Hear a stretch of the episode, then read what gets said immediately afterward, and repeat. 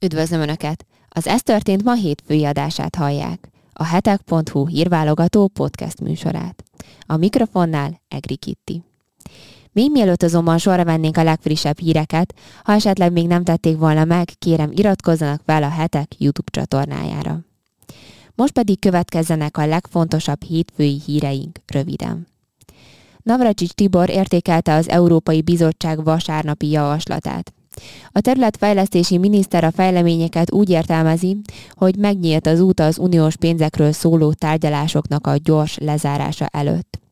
Mindeközben úgy tűnik, a lengyel miniszterelnök szolidaritását fejezte ki Magyarország mellett. Lengyelország ugyanis ellenzi, hogy Magyarországot megfosszák az uniós forrásoktól de nem csak a lengyeleket, bizonyos értelemben úgy tűnik, hogy az oroszokat is magunk mögött tudhatjuk. A Kreml ugyanis elismerését fejezte ki Magyarország felé az EU-n belüli politikájáért. Mindeközben egyébként közelednek az olaszországi parlamenti választások is, Matteo Salvini pedig esélyesnek látja azt, hogy az államfő majd őt kéri fel a kormányalakításra.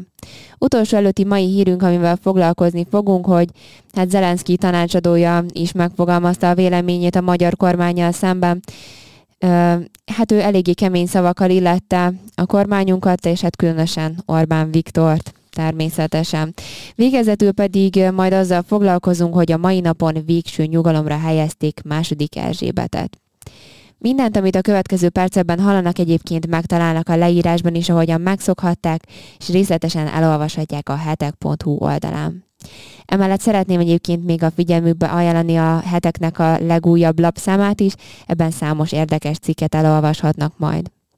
Most pedig következzen a hetek.hu hétfői hírválogatása.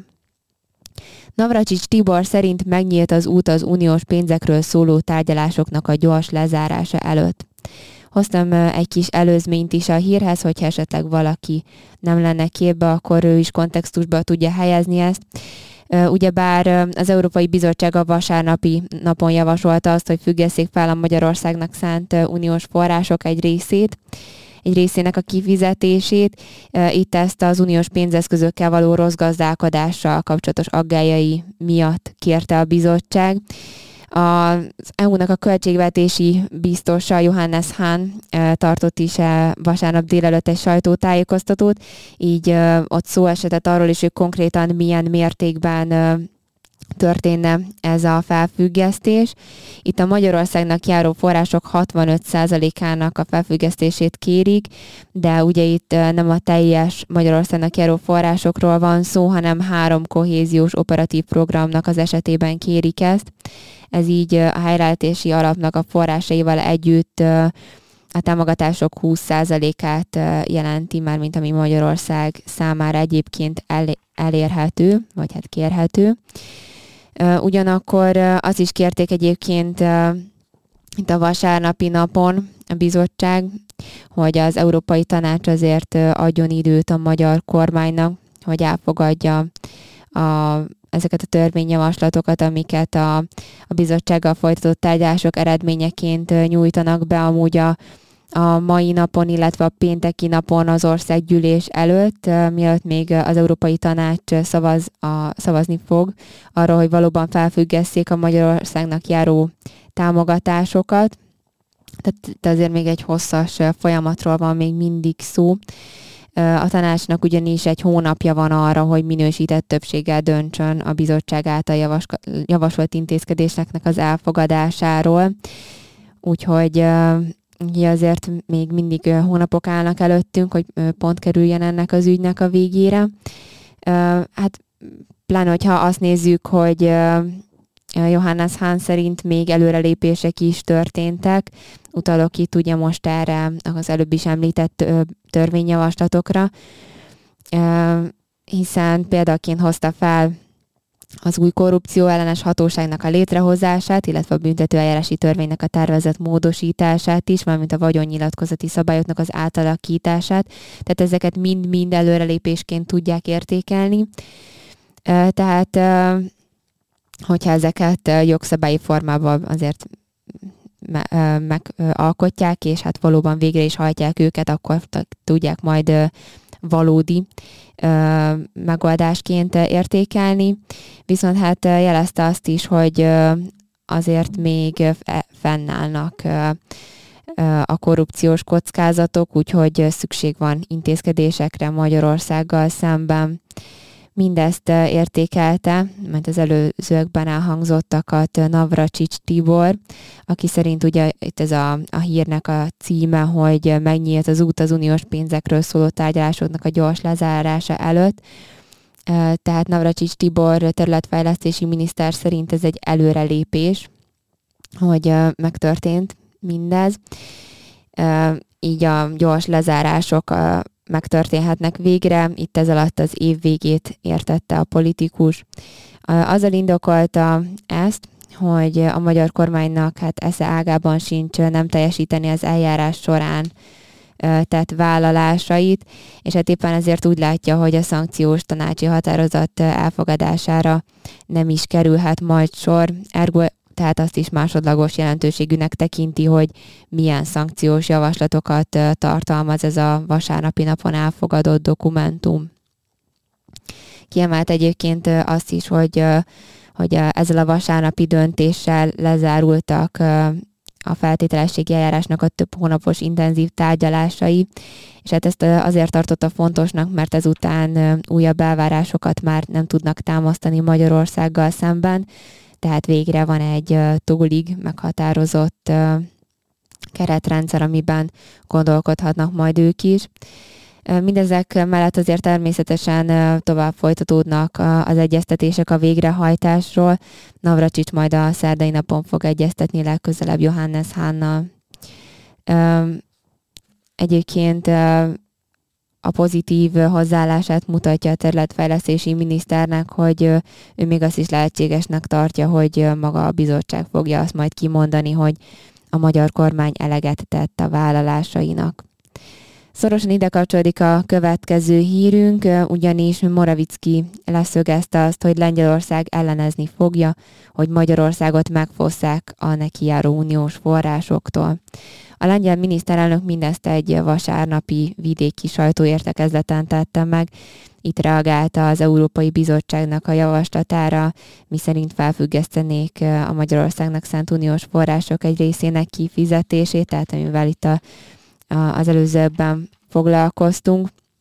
A lengyel miniszterelnök szerint az természetes, hogy Varsó minden erőből ellenzi az európai intézményeknek minden olyan intézkedését, aminek célja, hogy jogtanul megfossza bármelyik tagállamot az uniós eszközöktől, és hát most itt különösen Magyarországról van szó. A lengyel miniszterelnök egyébként azt is megfogalmazta, hogy miben látja ezt a jogtalanságot, mégpedig abban, hogy a Budapestről és Brüsszelből Lengyelországba érkező információk szerint a magyar kormány már előkészítette az Európai Bizottsággal történő kötendő megállapodásnak a tervét. Úgyhogy szerinte innestől kezdve, hogyha leállítják, nem is, hogy leállítják, hanem felfüggesztik ezeket a kifizetéseket, az nem tekinthető jogszerűnek. Egyébként ezen a sajtótájékoztatón a lengyel kormányfő szótejtett a lengyel helyreállítási terv körüli vitáról is, hát kifejezte a reményét azzal kapcsolatban, hogy végre az idei év, valamint a jövő évnek a fordulóján Lengyelország végre megkapja az uniós ö, költségvetési keretből neki odaítélt eszközöket, tehát nem csak mi, hanem a lengyelek is ö, nagyban várják a helyreállítási alapot, illetve más ö, támogatásokat. De hát nem csak a lengyelek, hanem Moszkva is figyelemmel kíséri a hazán körüli fejleményeket, érdemes szót ejtenünk arról, hogy a hétfői napon a Kreml elismerését fejezte ki Magyarország irányában. Egészen pontosan azt értékelte az orosz elnöki szóvivő, hogy számos kérdésben szuverén pozíciót foglal el Magyarország. Elárulta a sajtó előtte nyilatkozataiban, hogy Oroszország figyelemmel kíséri a Magyarországgal kapcsolatos fejleményeket azóta, hogy hogy az Európai Uniónak a bizottsága hétvégén javasolta a támogatásoknak a felfüggesztését, úgyhogy Moszkva szeme is úgy tűnik, hogy rajtunk van, de hát nem csak az oroszok mondtak véleményt a magyar kormányról, egészen záporoznak felénk a vélemények a világ minden tájáról. Peszkov mellett Zelenszky tanácsadója is kifejezte azt, hogy mit gondol. Hát, hogy finoman fogalmazzak, ő már nem annyira üdvözlő üzeneteket küldött a magyar kormány irányába. Az ukrán elnöki tanácsadó ugyanis vasárnap este Twitter oldalán egy eléggé kemény kritikát fogalmazott meg a magyar miniszterelnök tevékenységével kapcsolatban illetve hát Magyarországgal kapcsolatban.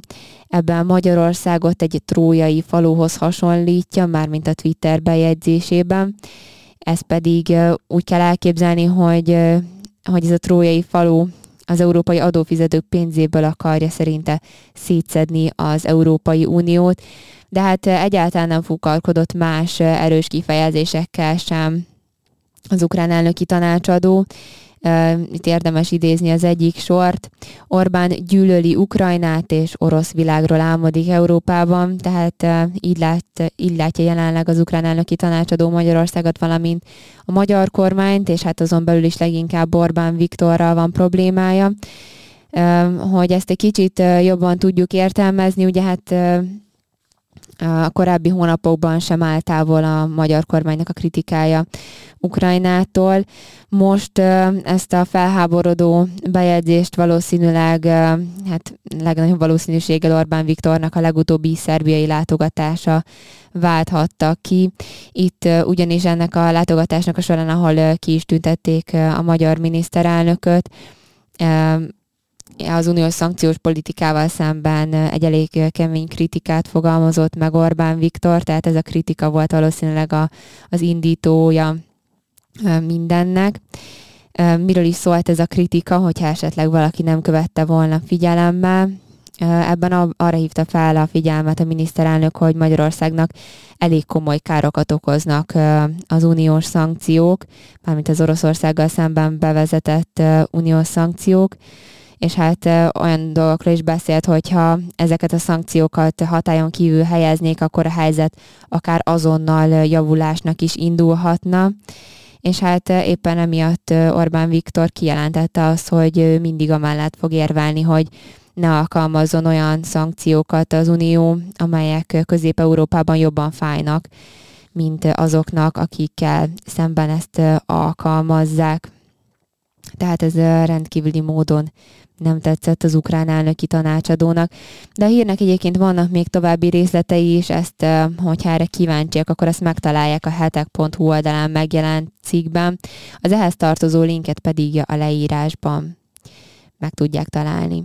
Most viszont térjünk át egy kicsit Olaszországra, hiszen egyre jobban közelednek az ottani parlamenti választások is, hát egészen konkrétan a vasárnapi napon fogják megtartani szeptember 25-én.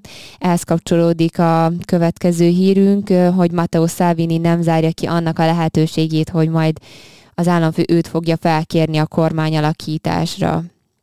Mindenről egyébként egy héttel a parlamenti választások előtt beszélt, a tegnapi napon vasárnap.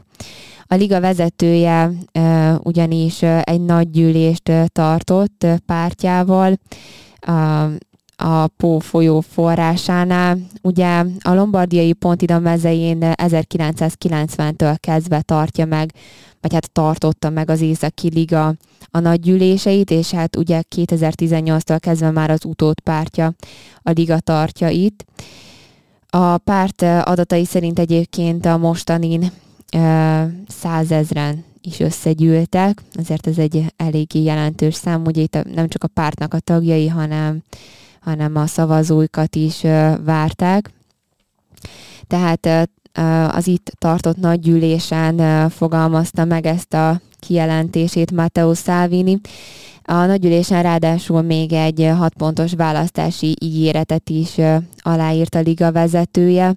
Ebben elkötelezte magát a rezsicsökkentés, az atomenergia ismételt használata, és elég sok más mellett itt a, akár említhetnénk a régióknak az autonómiáját, az adó és nyugdíjreformot, de talán ami még az egyik legérdekesebb, ugye az az illegális bevándorlókkal érkező hajóknak a leállítása, amire szintén ígéretet valamint amit mindenképp érdemes még itt megjegyezni, az a az azok a, azok a migrációs biztonsági törvények, amiket szeretne ismét hatályba helyezni, mert mint hogy azok, a, amiket még ugye az ő belügyminisztersége alatt hatályban voltak.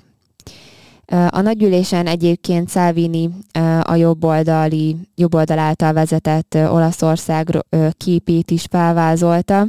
Itt egy komoly, stabil és következetes kormányról beszélt, hangsúlyozta azt, hogy a három pártnak a koalíciója nagyon nagy összhangban van, úgyhogy biztos, hogy ezt a komoly, stabil és következetességet be fogják tudni tartani. A jelenlegi megosztottság helyett, amit ő egyébként úgy tekint, hogy tehát amire ő úgy tekint, hogy emiatt nem, igazi, nem igazán övezi túl nagy tisztelet jelenleg Olaszországot. De hogyha már Olaszországnál tartunk, akkor nem csak a liga vezetőjének a szavaival érdemes most foglalkoznunk, hiszen ugye bár az előbb említett jobboldali koalíció aminek az egyik tagja a Liga, ugye egy másik pártja az olasz testvérek.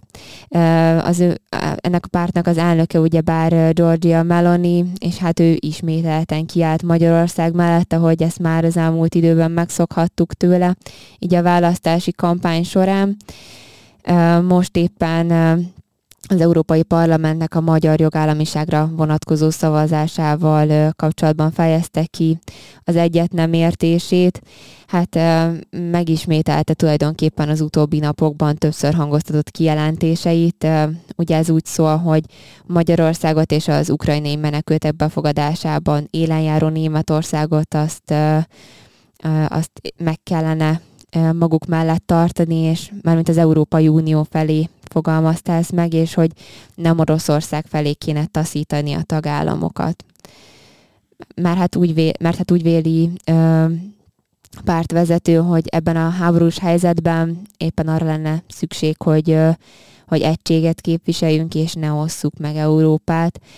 Én személy szerint egyébként ö, nem vitatkoznék most ö, a pártvezetőnek a szavaival, Hát ugyebár ennek kapcsán még, amit érdemes megemlíteni itt a, a nemzeti állami, nemzetállami érdekeknek a képviselete, mint amit erről mondott a pártvezető, hiszen ő úgy látja, hogy ezeknek az érdekeknek a képviselete az nem szabad, hogy olyan olyan ö, hátteret, vagy olyan, olyan értelmezést nyerjen ö, egyes emberekben, hogy itt az Európai Unióból történő kilépés sürgetni bármelyik tagállamnak a vezetője is, tehát ö, nem egy Európa elleni e, Európa iránti ellenségeskedésnek kellene ezt tekinteni, hanem csak be kellene látni, hogy a nemzeti érdekek védelmének egy jobb képviseletét szeretnék ezek az országok, akik így járnak el.